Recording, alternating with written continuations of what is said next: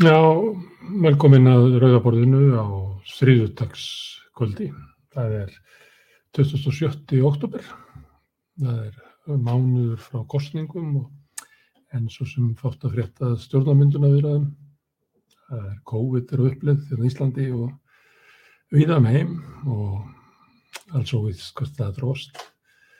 En hérna á eftir kemur til mín ungt fólk og við ætlum að ræða um stöðu ungsfólks í samfélaginu, fjárhastlega stöður, stöðu leikumarkaði og vinnumarkaði og kannski stöðum það svona í umræðunum, umræðinni og í politíkinni.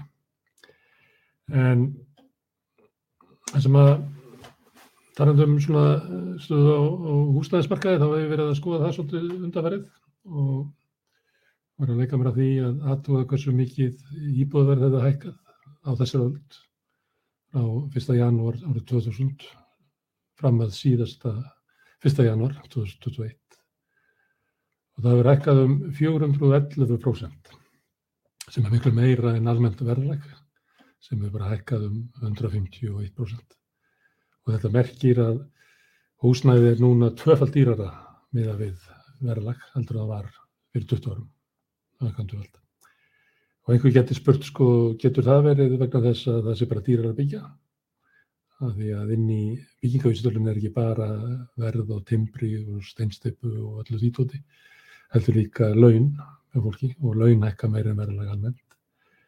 En það er ekki vegna þess að byggingavísitalan hefur ekkað um 216% á þessu tímafíli sem að merkir að húsnæði hefur hækkað um 62% umfram kostnæðin við að byggja það.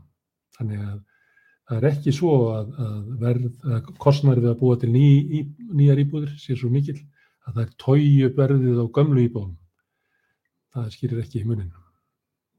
En við getum líka spurt, er þetta ekki þá bara launir búin að hækka svona mikið? Að það sé þó að húsnæðið hafa hækkað, að þá sé það auðveldra fyrir fólk í dag að köpa húsnæði, vegna þess að launin hafa hækkað umfram.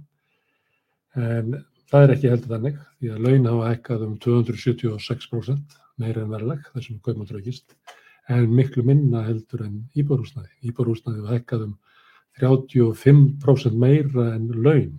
Þannig að út frá svona launum sem hólka með, að þá er, er 35% dýrar að kaupa húsna í dag heldur fyrir 20 árum. Þetta er náttúrulega ætti að skilgreina sem algjört bara markasprestur. Þetta er eitthvað stórgóðslegt að, að húsnaði hækki langt umfram byggingakostnað sem að merkir náttúrulega það að þeir sem eru að byggja í dag erum með margfalda álægningu á við þá sem voru að byggja fyrir 20 árum og þeir sem voru að byggja fyrir 20 árum höfðu alveg þokkalega góða álægningu þannig að það var ekki vandamál. Heldur þau bara búið að sleppa inn í kerfið okkur. Það getur líka sloppið inn á mörgum lögum, það er braskað með lóðinnar og eitt selur öðrum og kassar út pening og tekur út, eitthvað fær byggingarétt, selur svo byggingaréttin, svipað og var frettir aðum daginn að reytir voru að selja byggingaréttin og orkuréttinum og taka inn 1,3 miljardar á stingi vasum sem er álag upp á 3 miljónir á hverja íbúð sem að leggst ofan á það sem að fólk þarf að borga þeirra kaupir og fólk þarf að taka lán fyrir því og borga þá líklega þessar 3 miljónir með 6 miljónum. Þannig að bara það sem að reytir að taka út úr verkefninu á þessu stíi áður er byrjað að byggja. Ég held að er ekki sem er búin að klára tekningarnar. Áður er búin að byggja, þá er þeir búin að taka út sem að nefnur þremur miljónum íbúðum sem er álag fyrir þá sem að bú, munu búðar upp á 6 miljóna. Þannig að þetta, þetta kerfi er algjörlega galið og glatað. Og maður getur veltið fyrir sér hvernig þetta er á þessu. Uppbrunnar má reykja til eh, stefnumbreytinga sem var þegar Ríkistöld Framsóknarflokksins og Sástaflokksins byrjaði 1995 að þá var eiginlega beigta braut, þá voru verkefnabústafnir lagður afstöttu eftir það, síðan var skrúað eiginlega fyrir félagslegar leigu íbúðir sveitafélagana sem hafðu vaksið tölvert tíman á undan. Síðan var eh, íbúðalánin engavætt, íbúðalánarsjóður tekin raunverulega út af markaði, bankanir tók þetta yfir og síðan er bara búið að vera eiginlega svona braskvæðing eh, kervisins sem að leiði til fákjefni og einogunar og okurs og eh, gríðarlegra álagna á almenning. Á þessu tímabili frá 1995 hefur framsunaflokkurinn verið í félagsmálaráðundinu í 74% tímanum þrjú ára hverju fjórum og alltaf með sjálfstæðisflokkin í fjármánaröndur á sama tíma. Þannig að þeir sem á kursuð núna í, fyrir mánuð síðan, kursuð alltaf ekki bara best að kjósa framsókn voru eiginlega kjósa það að þess ekki best að hafa þetta bara svona, leifa þessu matla áfram.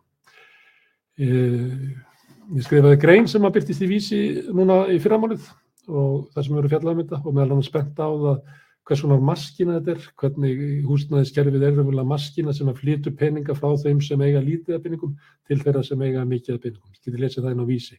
En ég ætla ekki að ræða um þetta meira því að hérna núna á eftir, bara eftir örskamastund setjast þetta við, við hérna rauðaborðið, sérst ungd fólk og við ætlum að ræða um stöðu ungsfólks, fjárháslega stöðu og líka kannski stöðu umræðinu og politík. Og það er Kristbjörg Eva Andersen Ramos, Anita da Silva Bjarnadóttir, Karl Hjeðin Kristjánsson og Úlfur Allarsson sem koma að hinga eftir augnablik.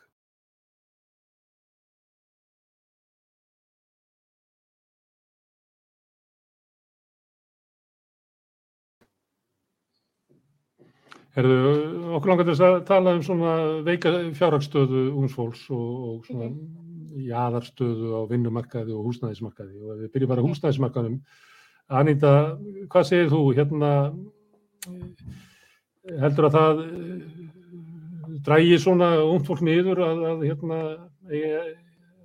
þurfa að vera að leia á dýrum leikumarkaði erfileikum með að vera í aðstöð til þess að geta keift og að, að ganga inn á það að þurfa að láta stóran hluta af ráðstöðuna fyrir sínu fari í, í húsalegu? 100%.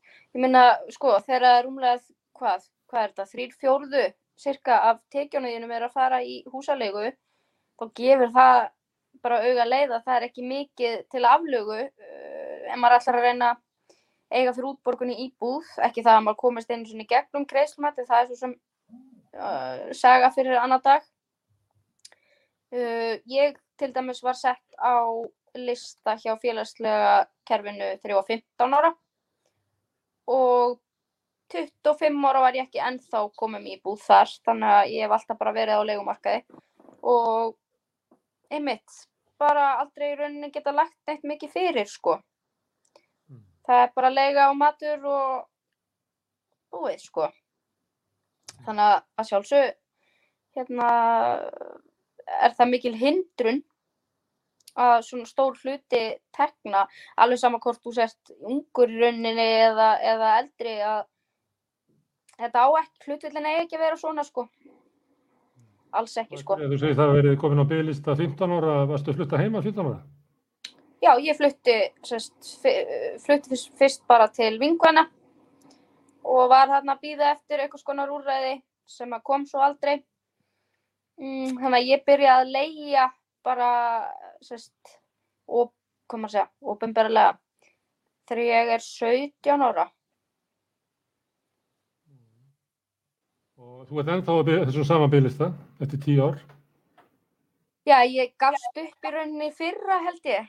Þá var ég orðin 26 ára, búin að býða 11 ár. Ekkert búið að gerast. Þannig að þú ert eina, ein lítil ástæða fyrir því að það hefur stiðst þessi bygglisti. Það er meirlutin í borginni svolítið að stærra sig að því að það séu færra bygglista núna heldur en að voru í uppæðu kjörðumvöldsins og þú er þar á meðal. Þú sérst bara gafst upp á byggðinu og fórst. Já, já, já. 11 ár. Ég meina, það er svolítið, þú veist, maður fær svona stig uh, og það er farið eftir því og það er, mér finnst forgangsröðunin vera bara gjörsanlega út í hött. Hún er alveg bara í rauninni skilja hann ekki, sko. Hmm. Hvernig þá? Getur þú útskilt að höra mér sem ekki þekki? Uh, sko, uh, maður hefur heyrt til dæmis að fólki í neyslu sem að gengur fyrir, víst, af því það þarf að koma undir þeim fótunum. Ég, ég, ég segi, sko, ég vil ekki hljóma eins og að uh, fólk í svoleiðis vanda eigi ekki eiga heimili, en þegar þú ert 16-17 ára til dæmis og í rauninni þarfst að fara á leigumarkað af því þú ert ekkert bakland, þá finnst mér að það eigi að vera einhver, einhver sem að grýpur þig, sko. Það ætti allan að vera svo leið, sko. Núna eflaust er það komið... Það er skrítið að færast aftur, aftur listan af því að maður er ekki nýslu. Já, ég, það verðist vera svo leið, sko. Núna ætli ég sé ekki komið fleiri steg núna því ég komið með barn og kannski er ég komið eitthvað ofar á listan en maður veit ekki, svo kannski er það unnur 2-3 ár. Mm. Þannig að þetta er bara stór hluti að æfinar búin að býða eftir þessu sko. Mm. Má ég spyrja þig hvernig þú býrð, finnst þú vera í svona þokkalegri íbúð núna í dag með sangjarnir í leigu eða hvað? 250.000, ég get ekki sagt að það sé. Það sé, Fyrir hvað, fyrir hvað stóra íbúð? uh, þetta er, þetta er sko 65 fermetrar, eitt söfnarbergi og svo bílskúr. Af því að sérst, íbúin sjálf er ekki nógu stór uh, fyrir mig og svo minn. Mm. Þetta er svona Já, í óhendur í kantinu. En eina sem býðst í rauninni sko. Þú segir að alltaf þremur fjórður hluta af, af, af ráðstöðnafíðinu fara í þetta, í leiguna? Ég allan að mjög stór hluti sko. Mm. Þannig að þú lítur að bara í erfileikum með að koma þér í gegnum bara hvert mánuð og hverja viku og... Sko, ég er nú bara sem betur fer, eða því miður og sem betur fer, ég veit ekki alveg hvern, hvernig það fer eftir hvernig maður lítur á það, búin að læra að ráðstafa peningnum mínum vel. Þannig að ég á alltaf pening út mánuðin, en það er bara í rauninni einhver einskær hefni og gott skipulag held ég að það, það er ekki sjálfgefið sko. Að geta hérna ráðstafa svona litlu fjö í svona langan tíma sko. Já. Það er oft, fátæktin gerir fólk að sko mjög fjármálalæst, auðvitað það sem er haldið fram, að það þurfa að kenna fátæku fólki fjármálalæsi, það er eiginlega villast þetta hugmynd síðar ára að það þurfa að Það gera. er algjört rugl. Já, Mm. maður lærir það bara. Þú verður að gera það. Þú verður að læra að ráðstafa. Mm. Uh, Úlfur, þú ert líka á leigumarkaði, Já, hvort kornungur. akkurat, ég er á hinnum opna frjálsa leigumarkaði eða þannig. og, og hvernig hefur það þar? E, alveg þokkalegt sko. E, við erum ágætlega heppin að vera þrjú saman að leia og þá náttúrulega deilist leigan að Mm. einhver leiti. E, ég er líka heppin að, að hérna, vera í ágætri vinnu og hérna, þannig að ég, ég kemst alveg gegnum mánuðin en það er erfitt að, að hérna, leggja eitthvað til hliðar þannig að ég til dæmis sé ekki fram á að ég geti keipt mitt eigið húsnæði bara nokkuð tíman á þessum launum með, með þessa leigu sko. Mm. Og hvað heldur að geti breyst að þú fáir uh, ódýrar leigu eða þú fáir hærri laun? E, sko, ég gæti haft ódýrari leigu en þá þyrfti maður kannski að flytja í eitthvað húsnæði sem er ekki, ekki viðunandi. Ég sætti mig ekki við hvað sem er, en hérna, þú getur ekki búið eitt, þú býrð með, hvað er þetta félagðinni sem þú býrð með? e, ég býsast rímur. með kærastanum mínum og, og, og hérna vinkon okkar Já. og, og ég get ekki leikt einn, það væri ekki, ekki hægt sko. Og þið tveir valla, Nei, ekki við tveir sko, það væri ekki hægt heldur. þannig að þú ert svona, svona dæmdur til hvað, svona, eitthvað svona, að deila baðstofunni með öðru fólki. Akkurat, akkurat, alveg dæmdir til þess, ég, við getum ekki búið, búið ein ef við, ef við værum ekki þrjú, það er bara svoleiði sko. Á þetta við um marga svona þínur ekki, þú erum frekar ungur svona með að vera, uh, Já, sko, e, margir af þínu félagum bú, búa bara ennþá heima eða eitthvað. Jú, jú, algjörlega. Það er svolítið svoleiðis, en hérna, e, það eru bara svona persónulegar ástæður hjá, hjá okkur e, sem gerðu það að verkum að við þurfum að, að vera í ein húsnæði, Já. þess að leia. E, en já, það, svona flestir á mínum aldrei búa en þau fóröldrum sínum og, Mm. og eru kannski í ykkur vinnu með og, og ná þá kannski að leggja eitthvað til hliðar og meðan þau borgi ekki leigu, en, en til dæmis fyrir okkur, við, við lifum bara frá mánuði til mánuðar, sko. Mm. En Þú hérna, varst í námi Já. og tókst líka í náminu. Já, ég sem sagt uh, var í eðlisfræði í Háskóla Mhm. Íslands og brann út þar og hérna tók mér svona ótímabundið námsleifi. Já, já. Og hann stefnir að því að fara inn aftur. Já, já, Hvaða áhrif mun það þá hafa á svona möguleika þína til að gera það? Að þú ert á vinnumarkaði til þess að eiga fyrir leigunni, eh, ferði ekki þá skert námslán? Eh, Lendur ég ekki í svona smá klemmu út af því? Sko, ég hef ekki, ég hef ekki skoðað varandi námslánin hvernig, hvernig, það, hvernig það verður ef ég fer svo aftur í nám eða, þegar. En uh, til dæmis núna, ef ég myndi vilja fara í nám aftur núna, þá gæti ég það ekki vegna þess að kærasta minn er í námi og það þarf einhver að- að vinna fyrir heimilinu þannig að ég er svolítið að halda, halda hinnum svolítið uppi á meðan líka. Þannig að ef ég ætla í nám þá þarf ég að býða eftir að kærastin minn skrifist og, og geti þá staðið undir Ah, meiri húsnæði hlutvarslega. Já, Mm. það er bara svo leiðis. Þetta Og eru komið svona til gerðast- 1950. Svona var þetta 1950 að þá voru það fjölmörga konur sem að unnu fyrir námi eiginmanna sinna. ha. Við erum kannski góðum bara þangað aftur. Já, já, ég held það sko. Og þú myndir líka skerðast, sko, hérna, námsláni myndir skerðast ef að þú verður að vinna. Þú mátt, þetta er sem með örskubætur, þú mátt vinna fyrir skatt uh, sem sagt upp á 100 áskrónum. Þetta er eitthvað svipað, sko. Já. Ég held að sé þannig eins og Anita er að, vonandi erum við ekki að hræða þið með þessu, en það er, fólk hefur lent í þessu sko, það er svo erfitt að koma af að þú kemur inn með tekjur sem að leiða til skerðingar og þú lendir í svona allavega hálfu ári, nýju mánuðum sem að geta verið svolítið erfið Akkurat. og ekki getur þú safna fyrir þeim frekar heldur en húsnæðin. Nei, nei, akkurat. Nei, Þetta fekk nú vonandi vel. Mhm. Kristbjörg, þú eh, býrð á stúdendagörðum Já, og það, þú teppir þá eða eitthvað. sko, það er ákveðin hefni í þessu að ég sé með mína, minn eigin stað svona vegna þess að ég gæti ekki búið heima hjá mér vegna einmitt eins og eh, persónlegra ástæðna. Mm. Um, en það þýðir samt að ég þarf að setja ákveðna ábyrð á sjálfa mig sem ég kannski þekkt ekki dáði fyrir þegar ég bjó hjá mömmu minni eins og þetta að ráðstafa peningunum vel og svona og passa upp á hvað ég er að kaupa hér og þar og svona Mm. en já, mér finnst þetta rosalega skríti kerfi allt, hvernig þetta virkar ég er með svona húsalegu bætur með þessu sem Já. hjálpa alveg eitthvað og en já, Má ég spyrja svona hvað þú leigir stort og hvað þú borgar fyrir það?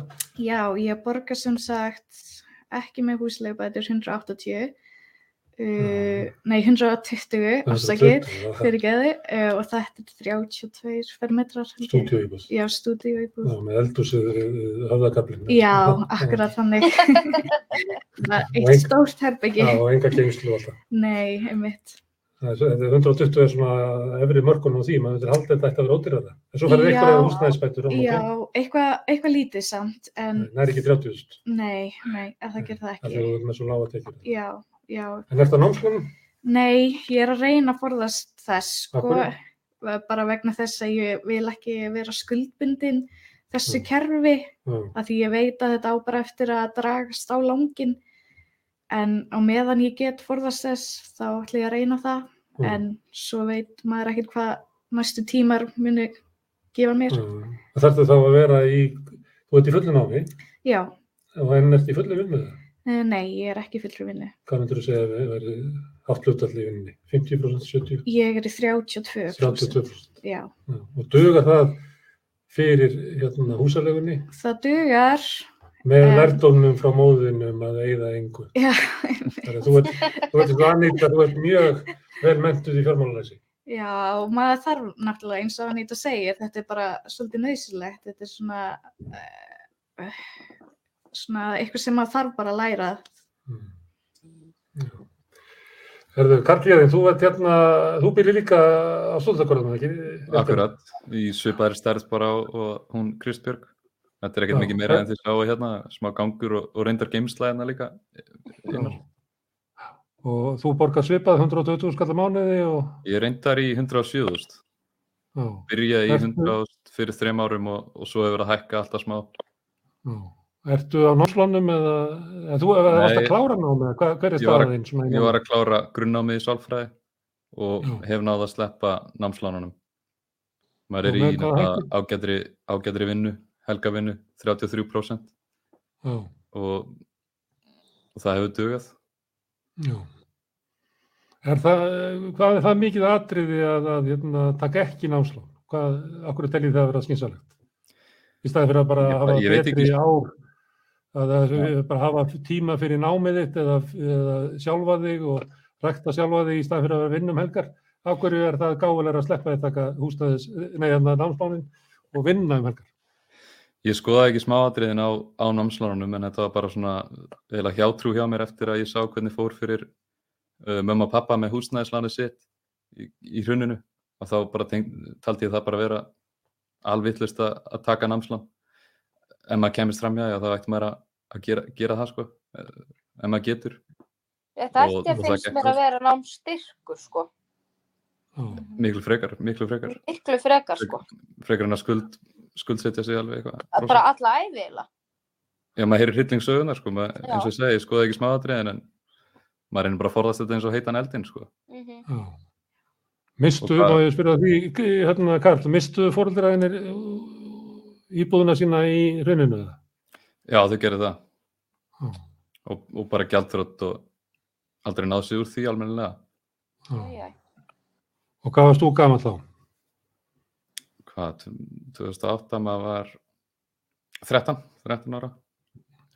Heldur að þetta hafi svona eh, marki svolítið þína kynslu eða uh, þau ykkar sem að urðu fyrir því að vera búa á heimilum sem að urðu fyrir svona miklu fjárháslu áfalli sem að getur verið ótrúlega langvarandi maður þekkir það að fólki sem að lendi í þessu að það er bara ekki búið að jafna sig en þá og ekki kannski andlega en, en fjárháslega ekki sko. stundum er það þannig að þeir sem eru búin að jafna sig andlega eru ekki búin að jafna sig fjárháslega og hafa bara pakkað sér saman á einhvern skókassa eh, Já, og bara dreigið úr og lifa ykkur munkalífi en, en aðrir hafa hérna Grætt bara vel og sérstaklega aðal glæpamenninir kannski, þeir, þeir, þeir eru bara í betri stöðu núna en þeir voru í. En, en jú, farlega, þetta er haft mikil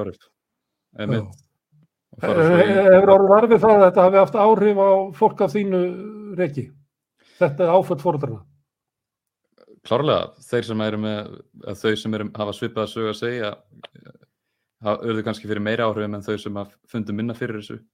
En ég held samt að, að mín kynnslóð svona alveg in general hafi, hafi allan að mist traust á stjórn, stjórnvöldum og, og á samfélaginu svolítið. Og ég held að það sé bara ekki búið að ná að endurheimta það síðan, fyrir mörgum allan að. Aðri viðrast taka þessu frekar rólega en við sem að fylgdust með og fundum virkilega fyrir þessu við, við erum ekki búin að gleyma og, og tröstið er ekki komið tilbaka klárlega ekki. En það heldur þetta áfram. Það hefur verið hérna undanfæri talað meira um stjættaskiptingu heldur en ofta áður og líklega er eina af ástæðanu fyrir því að, að húsnæðismarkarinn eins og hann er núna afhjúpar svona ákvæmna stjættaskiptingu. Það, það er ekki þetta ungu fólki sem að getur kefsir húsnæði nema að hafa sko góðan stuðning frá sinni fjölskyldu en og þeir sem að koma svona af fábrotnari fjölskyldum eða fjölskyldur sem hafa orðið fyrir svona fjárhagslu áfalli eins og þú ert að lýsa. Að Mm. það, þeir krakkar bara komast ekki inn á húsnæðismarkaðin. nei, það verðist ekki vera. En það er kannski ekki fyrir það einmitt þegar maður skoða verðin á íbúðunum að 75 miljónir stundum fyrir tveggja sætna herbyggja íbúð í ykkur blokk Já, þetta áttu samt að vera, sko, mikið af þessum íbúðum átt að vera til að auðvelda ungu fólki að kaupa íbúð. Akkurat, og fórsetisráðherran okkar uh, flotti, hún státa sig mikið af því að það sé búið að byggja mikið af, af íbúðum en þær bara st- standa ekki öllum til bóða, sko. Nei alls ekki Alls ekki. Ég vann aðeins í málarabransanum með, með pappa mínum og, og, og bróðir og við vorum að, að klára svona íbúðir í, hérna, í urriðaholtinu til dæmis og, og þetta, er, þetta er bara eitthvað tæni dæmi sem er, sem er ekki einu sinni vandað til verka við að gera. Það eru ímsir svona gallar eins og kemur oft í ljós og þegar fólk kaupir íbúðina á, á 75 miljónir eða, herra er og síðan sig er að eitthvað. Það er verið að drífa sig að byggja þetta mitt og það, það eru bara svona structural flaws sem að fólk skauta bara framjá en, en svo hef ég líka hugsað að 75 miljónir ef maður setur það í dollara sko, þetta eru næst í 750.000 dollarar. Að það sem þú getur keift í bandarækjunum fyrir, fyrir þetta ekki að það Milljón. fyrirmyndar en maður bara gerir sig grein fyrir hvað þetta er hvað þetta er mikið að pening. Það er alveg rosalegt. Úff, Húsnæðismarkað hérna er náttúrulega algjörlega galinn og bara förðulegt að það skulle ekki vera bara líst yfir svona, svona neyðar ástandi. Það, það er, hérna, náttúrulega er ekki eðlilegt að, að húsnæði sem verður hækki töf, töfalt á förstu verðlagi, umfram verðlag sko, á 20 árum eins og hefur verið hér.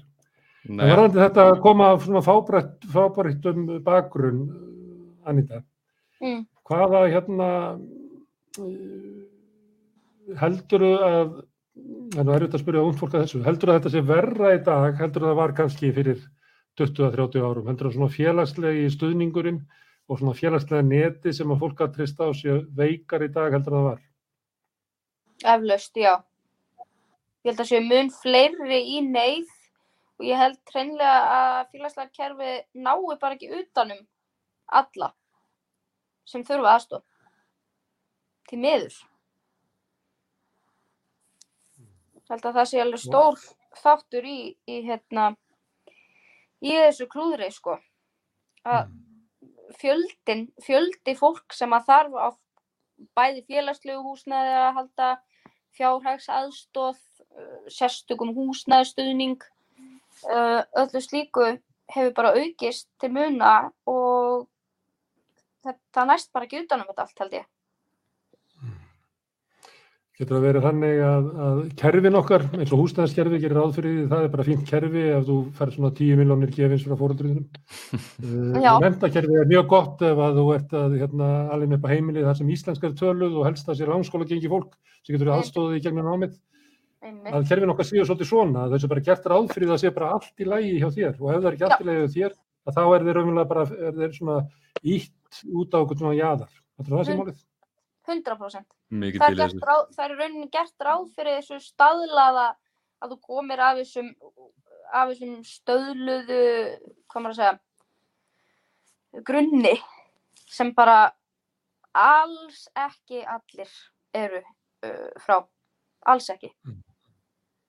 Hvað segir þú um þetta, Kristján? Þú ert náttúrulega alveg upp á heimili þar sem þín, ég veit ekki hvort að þið talið spönsku ykkur á milli, við tölum íslensku, sko. íslensku. Já, því miður.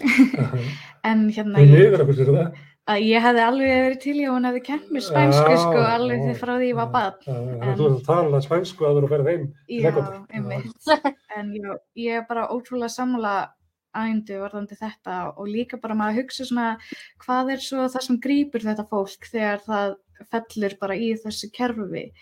Af því það er líka það er með vandamálið að, að um leið og þetta fólk fellur að það er ekki hægt að grýpa það og þá bara viðhelst þessi fátækt og það er mikið erfiðar að vinna sig úr því þegar þú er bara dottu niður og það er enginn til að grípa þig, ekki félagslega kerfið eða neitt súleis. Mhm. Að, og það hefur líka bara verri áhrif samfélagslega fyrir alla, ekki bara einstaklingin sjálfan. Ef að við sem samfélag getum ekki gripið okkar viðkvæmstu hópa. Þú ert alveg upp í fátækt. Já, ég myndi segja það. Fóreldrar mín eru, eru náttúrulega bara verka fólk. Mm. Mamma er sem mentaður kennari en hún fekk náttúrulega ekki að vinna við það þegar hún kom Nei. til Íslands. Hún náttúrulega bara þurfti að læra málið sjálf og fór bara strax að vinna við hvaða starf sem henni var búið og þurfti bara að vinna sér upp alveg sjálf með eiginlega yngri hjálp nema frá félagslega kerfinu sem var oft og títt bara freka fordómafullt á þeim tíma.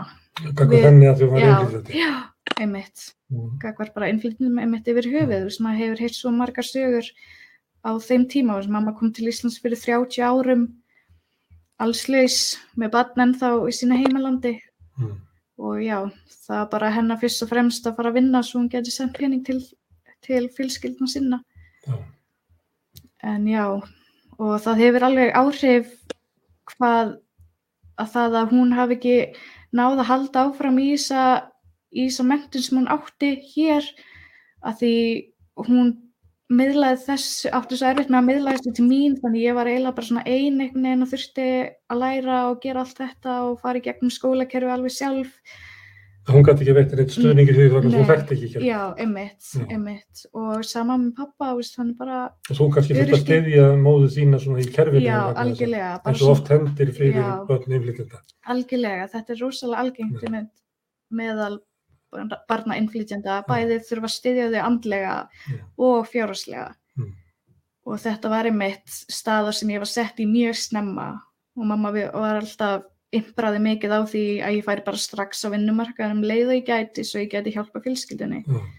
sem ég gerði og, og mér fannst það frekar bara erfitt af hverju fekk ég bara ekki vera einhvern veginn barn Já. á þessum tíma, bara gera það sem ég vildi en, en ég skil það alveg fullkomlega en Mm. þetta er eitthvað sem á ekki að vera viðnandi í kerfi eins og Íslandi. Það byrjar þá að vinna mjög unga. Já, Hvað er ungum að spila? 13 Já. bara, já, Og varst leið og þegar ég að gat borga og heim. Já, já. En þú kom samt, í- nú ertu komin í nám Já, Þannig að þú hefur brotist út úr því að vera först á vinnumarkaðum já, og, emmitt. og valdir félagsráðgjöf. Já, Heldur að tengi, þetta tengist? já, já, 100% sko. Mér finnst bara mín reynsla að vera barn innflytjanda geta um, hafa hjálpað mér rosalega mikið í þessu námi Já. að geta sett mig í spór einhver svona hópa. Í aðar hópa, það er ótrúlega mikilvægt og mér langar bara svo að miðla þessu áfram svo reynslu sem ég átti sem barn og mamma, eiga móður sem, inn, sem er innflytjandi. Mm. og já, ég hef algjörlega haft það bara í hjartanum mínu í gegnum námið. Herðu, Úlfur, það er hérna, sko, þetta er bara þetta vandamann í heiminum, að hérna, síðustu áratugum þá hefur, hefur ungt fólk dreigist aftur úr í svona efnarslegri stöðu og það er er engin að reikna þetta, þetta er bara, þetta er bara tölulega uh, satt og rétt og ja, er ekki bara bundið í Ísland. Þessu er líka fyllt það að, að hérna, unga fólkið er með svona jaðarstöðu húsnæðismarkaði, það er vandamál sem er til dæmis í Breitlandi og í Bandaríkjunum þessum unga fólki inn. Það kemur skuldut, við erum nú mörg að reyna að forðast að taka námslán og svona, þannig að það kemur skuldut inn á, inn á vinnumarkaðin sem að því er ekki uh, veltekið, ég veit ekki hvort að þú sett launamaður, eftir launamaður þessum átt að vinna? Já, ég er. Já, en okkur, það er svona eh, unga fólki með þessari jaðarstöðu. Og svo erum við með hérna eins og ykkur flest sem að komið að heimilum sem að hefur raunverulega kannski ekki svona eh, hvorki fjárhastlegu getuna eða bakgrunn eða eitthvað slikt til þess að styðja unga fólki í þessari veikur stöðu. Væri, getur við verið að fara að sjá fram á svona einhvern hóp ungs fólk sem að upplifi sig svona, hvað er að segja, svíkina samfélaginu? Já, algjörlega. Ég meina, þú veist, við sjáum kannski jafnaldra okkar vera að kaupa sér íbúðir núna eða kannski á næstu árum, en, en þá koma þau all bara úr, af fjölskyldum sem eru bara mjög efnaðar og þá eh, geta fóreldra þeirra stutt þau þá í að kaupa fyrst, fyrstu íbúð eða eitthvað svoleiðis, en, en fyrir mörg okkar sem kom kannski frá fjölskyldum sem er ekki eins fjárhagslega sterkar, þá er þetta bara frekar vonlaust fyrir okkur og þá erum við dæmt bara til þess að leia á, á leiðmarkaðnum og borga Eða já, þrjá fjórðu af tekjum okkar, rástöðuna tekjum í, í húsalegu sem er náttúrulega bara farnætt. Hmm. Hvað segir það reynda? eða flytja úr landi.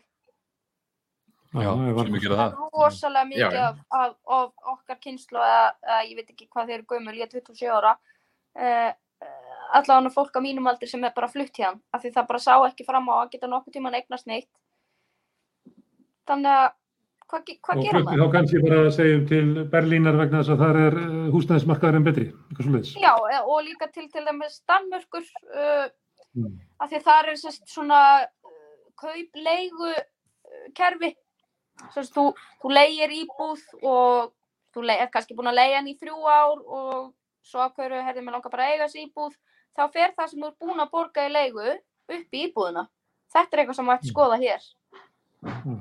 Það er alveg snild. algjör snild Mm Já, já.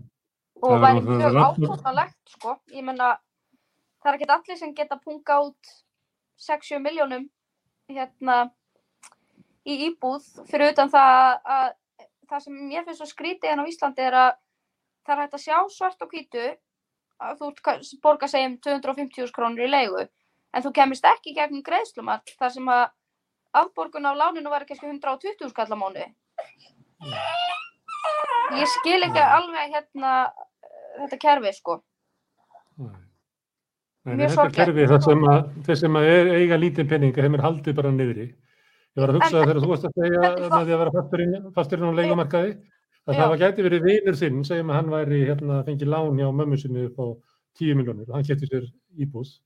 En hann myndi búa áfram heima og leigja þér íbúðina og láta þig borga hana. sko. Akkurat. Það er, hérna, maður er verið að, að tala um leigjendur svolítið mikið undan fyrir. Og Já. sumir eru í þessum stöðu, þeir eru að leigja af einhverju sem einhver sagði mér, einhver 24 ára, sem að býr heima hjá pappa og mömmu og að ég er að borga íbúðunas og svo þegar ég er búin að borga nógu mikið af henni þannig að þetta er orðið svona uh, þægilegt fyrir hann, að þá flyttur hann frá mömmu og ég- hendi verður þetta gutra. Þetta var bara þess að dag. Já.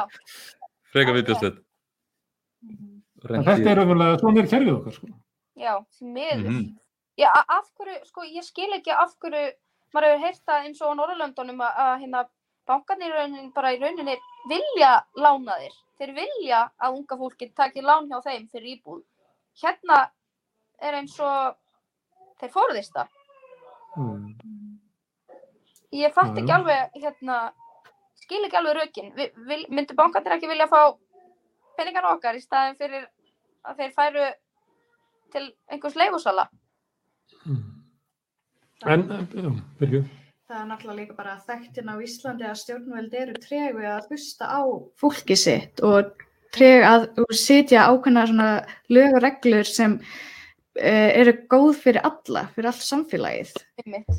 Og það finnst mér rosalega mikið vanta hvað það snýst allt líka bara um hagræðingu hérna Mm og þú veist, íbúin að vera dýrari, þau ríkari verða ríkari, þetta er bara þema sem við höfum búið við ótrúlega lengi og þess vegna verður maður rosalega svarsýn þegar maður hugsa svona, jæja, hva, hvena mun ég eiga mína íbúð, geta stofna mína fjölskyldu og þú veist, maður, maður er ekkert einu svona að leifa sér að hugsa þangað því maður veit bara ég á ekkert efna þessu núna eða næstu árin. En hefur þú hugsað um að flytja út? Eða ertu bundin fjölskyldunni? Já, eða það, ég myndi segja ég gæti alveg flutt út sko, Mm. en ekki, ekki á þeim peningu samt sem ég á núna, ég gæti það ekki, þetta var ekkert næstu árin, en já, En þú, Karl, ætlar að halda að fara í framhaldsnáum hérna heima eða ætlar að fara út? Ég byrjaði framhaldsnámi núna en maður er svona svolítið brendur út eftir námið og, og ég droppaði úr því og, og er bara í einum áfanga núna. Maður veit ekki alveg hvað maður gerir á næsta ári, maður er bara eitthvað að pæla í því. Það, það, það svipa komið með ykkur. Er, mi- er mikið álag á ef þú ert í námi?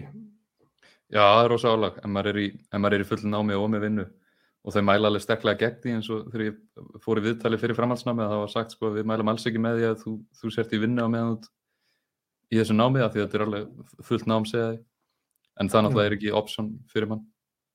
Ef maður er ekki á námslánum og, og ekki með bakland einmitt, Mm það gengur ekkert upp Það er líklega kent í sálfræðinni sem að þú ert að læra að þetta sé ekki klókt. Já, nei maður, vil helst setja aðteglin á eitt stað sko en þetta er doable en það væri, Mm. þú veist, ekki fyrir alla all, alls ekki fyrir alla Það var alltaf bara glæsið að maður fengi borga fyrir að vera í skóla, sko. það væri það, það væri það Það Dam- Ég held að sé í Danmörku, alltaf þetta. jú, jú, Jú, ég held að þeir séu rosalega gott kerfi, sko. Styrkja fólki að fara að menta sig og verða að hafa þá sérfræði þekkingu sem að Já, vegna þess að það nýtist í sér, í dag já, það skila sér alltaf á endanum. Þetta marg Mhm. borga sig. Má ég spyrja þig, veit- Karl, því, hvað er því að þú ert í sálfræðinni þessum eru bara fleiri hundru manns í sálfræðinni, mm mikið, uh, mikil ásókn í það nám núna. Hvað er þessu stór hluta nefndurum sem eru að vinna fyrir náminu, sem eru ekki að námslónum, heldur eru að vinna fyrir því eða ekki með uh, styrka heimann?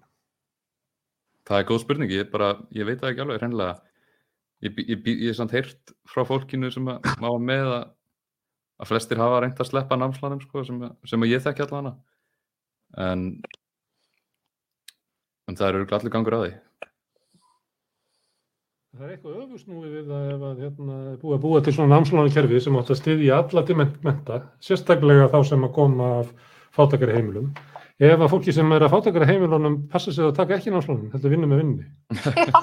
það, Það er auðvitsnúið. Ég er alveg saman. Ég til dæmis, fyrir mitt leiti, ég ætla ekki að taka námslán. Ég ætla að reyna að komast hjá því eins og ég get. Því að ég vil ekki vera með námslán á bakinu næstu 40 árin eða eitthvað svoleiðis og, og hérna, það getur verið virkilega íþingjandi. mjög Þannig að ég, ég ætla bara að reyna að sleppa því og ég myndi þá þurfa að vinna með námi. Eh, Ég hef gert það áður, þannig að það virkaði ekki voða vel. En maður það bara að gera það ef maður er alltaf að ná að menta sig. Það er svolítið þannig. En ég hef Já. áhyggjur af ungu fólki í dag sem er mitt e, í háskólanámi og, og vinna með að það brennir bara út og verður bara öryrkjar. Þannig að s- ég held að samfélagið sé að tapa bara gríðarlega háum fjárhæðum Mhm. á því að hafa kerfið svona vegna þess að einmitt eins og við vorum að tala um hérna áðan að námstyrkur, þetta er náttúrulega bara fjárfesting í fólkinu okkar sem er að fara út á vinnumarkaðin og skapa verðmæti og þetta mun skila sér margfalt í ríkiskassan Í ef, ríkiskassa ef við bara hugsa um fjármálin sko. Mhm. Við hugsum Ríkis- alltaf bara um núna.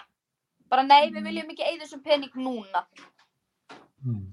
Mm. skortir svona framtíðasín svolítið Já, Mm. algjörlega. Algjörlega, algjörlega. sko. ég veit að ég, ég er frekar brendur út núna eftir námið og eftir vinnuna maður bara, ég var ekki að meika meira Nei. Í bandaríkjörnum er eh, reyning ungs fólks sem að náða lengi, þetta var nú stefnuskrá Bernie Sanders til dæmis, að bara skrúa fyrir, hérna, að streika yfir námslun, að vera með svona jubilei, bara fella Já. nýja námslun. Þessi reyning líka í Breitlandi, ég held ég hef sagt það frá því hérna í síðasta þætti, ég var að hlusta á viðtöl við þá sem voru að stýra þessar reyningu á BBC og þau voru að tala um það hvað verið mikið alvarlegt að fólk kæmi svona skuldlugt út, út úr náminu og voru að tala um hvað verið meðal skuldir sem væri á þeim eh, þegar það kæmi út í Breitlandi og það held ég að verið bara rétt rúm miljón íslenska sko. Ég hugsaði sko, ef þetta er vandamál í Breitlandi, hvað er Ekki þetta skuldir, skulda miljón, nei það var ekki meira. En þetta þóttu þeim alveg nóg til þess að segja, býtu, við erum eitthvað kerfi sem bara er ekki að ganga upp. Það Vá. er ekki þannig að, að sá sem að kemur og skulda miljón eða einu og halva eða eitthvað, að, að, að hann sé það betri aðstöð í samfélaginu, hann er að þarf að fara að kaupa sér íbúði eða þá hann leigir, það eru börnin er að koma með öllu þeim kostnaði, að það er bara fjárhagslega eða sjóðhagslega vittlust að láta þessa einstaklinga bera þessa skuldir og vera að fóðra þessi lán í ofanálag. Mhm. Það er hugmyndir á þeim og ég var að velta fyrir mér, þetta lítur að koma einhvern veginn til Íslands, en þegar ég er að hlusta á ykkur hérna núna, held ég bara að þessi starra vandamál er vinna með námi. Alveg. Krafan eftir að vera svo að ég á að geta verið námi og þess að þurfa að vera að vinna með. Ég held Mhm. einmitt að það sé ekki þekkt víða að vinna með námi nema kannski veist, einmitt á Norðurlandunum eða eitthvað svoleiðis en ég til dæmis ég tala um fjölskyldum mín í Ekvador þegar þau eru að læra það er bara 100% þeirra tími fer í það Mm. að læra og klára háskólan og allt þetta Mm. þeim finnst bara brenglað að maður þurfa að vera að vinna eitthvað með námi Það er það. svo, svo þóttu það líka vera þannig að, að háskóla áriðin Mhm. eru svona þar sem að fólk finnur sjálfa sig og svona. Þannig að, að það getur verið mikið álæg í náminu, en þú þarf líka að hafa tíma fyrir sko, félagslíf, þú þarf að hafa tíma fyrir pólitíska þáttöku, þú þarf að vera tíma fyrir að sko, verða til sem manneskja annað en bara sem námsdýr og vinnudýr. Mhm. það er pínu verið að hlekja okkur unga fólkið bara við einmitt skólan og þurfa að bara að afla peningnum fyrir að borga leigu og allt þetta. Við erum bara svolítið einhvern veginn föst að því ef við fáum ekki þetta rými til að skapa okkur eigi frelsi, hvernig einstaklingar munum við þá verða í framtíðinni. Mm. Ef að við byrjum svona ung að bara að segja bara nei, ég má ekki gera þetta, ég má ekki lifa lífinu af því ég þarf að passa mig á að eiga út mánuðin. Svoleiðis. já, vera í kulnun út af sko, afkomu kvíða og álægi. Um og, um og eftir tvítut er náttúrulega fáranlega óheilbyrgt. Mhm. Það er það, Ha, algjörlega. Frekar grillað að fólk sé að koma til námið þannig. Yngra, fólkið, bara á næstu árum. En hvað er rætt um svona hluti, maður spyrja því Karl Jéðin, hvað er hérna eins og um þessar stöðu sem að þið eru að lýsa, hún kemur svolítið á óvart þegar ég er að hlusta á okkur, mm. -hmm. svona grund þetta þegar ég heyri ykkur segja þetta eins og oft er, þá skilur maður svona alvarleikan þegar maður heyrir að, hérna, alvöruna sem er á baka þetta. Hvað er, hérna, er rætt um svona kjör úns fólks af ykkur svona ákjöfð og festu? Bara, ég hef ekki mikið séð fara fyrir því eiginlega, sko. Það er náttúrulega röskva og vaka na, í háskólanum, stúndafélögin ættu kannski að vera í því og, og en það, ég hef tekið lítið eftir því persónulega. Mm. Það er aðalega bara á kaffihúsunum eða á, barnum, kjallaranum, þar sem að við ræðum þetta saman nefndunir, hvernig við höfum það og, og et cetera. Það þurfum við ekki að skipulegja baráttuna, það er svona liður í allir í svona baráttu er að orða hlutina fyrst og búa til einhverja samstöðum og móta, þú veist, kröfunar, það þarf ekki að vera svona formlegt, en það sé svona einhvern veginn ljóst hver er svona helstu vandamál og hófsis og hver er anstæðingurinn og á hverju maður að gera kröfur. Er slík vinna eitthvað staðar í gangi? Ég er bara svo forvitin, ég ég er líka að spyrja vegna þess að ég tala við svona fólk á mínu reiki og það er með svona ránkvömyndir um unga fólkið. Þetta er unga fólki alltaf nóga tíma, ekki bara að fá unga fólkið til þess að gera þetta. Svo tala maður um unga fólkið og það er bara lang mest busy fólk sem ég tala við. Ef vilt fá okkur til þess að gera eitthvað, þá sko þið tala við fólk svona um 60. Já, það er kannski, kannski ein ástæði fyrir því að, við, að það er engin svona skipuleg hreyfing varandi stöðu ungs fólks á húsnæðismarkaði eitthvað svoleiðis. Það að er kannski bara ein ástæði fyrir því að við höfum ekki tíma til að vera að spá í svoleiðis hlutum. Að reyna að skipulegja okkur eitthvað saman og, og svoleiðis. En getur verið. háskóla núna eru tvær stundarhefingar sem eru einmitt segja stöður að berjast fyrir öllu þessu hagsmunum stúdenda og allt þetta en ég hef tekið eftir því ef að þú ert ekkert eitthvað inn í þessum hreyfingum þá veistu bara ekkert hvað er í gangi. Mm. Þá, því þau eiga einmitt að beita sig fyrir hagsmunum stúdenda og þau segjast vera að berjast fyrir því til dæmis að, að háskólinn sé bara frýr fyrir alla og allt þetta og námslán stúdenda það eigi að lækka þau og eitthvað svona, að hækka. Um, já, og svo ef, ma- ef þú ert ekki í þessu þá þekkir þau og veist ekki þessa baráttu. Nei.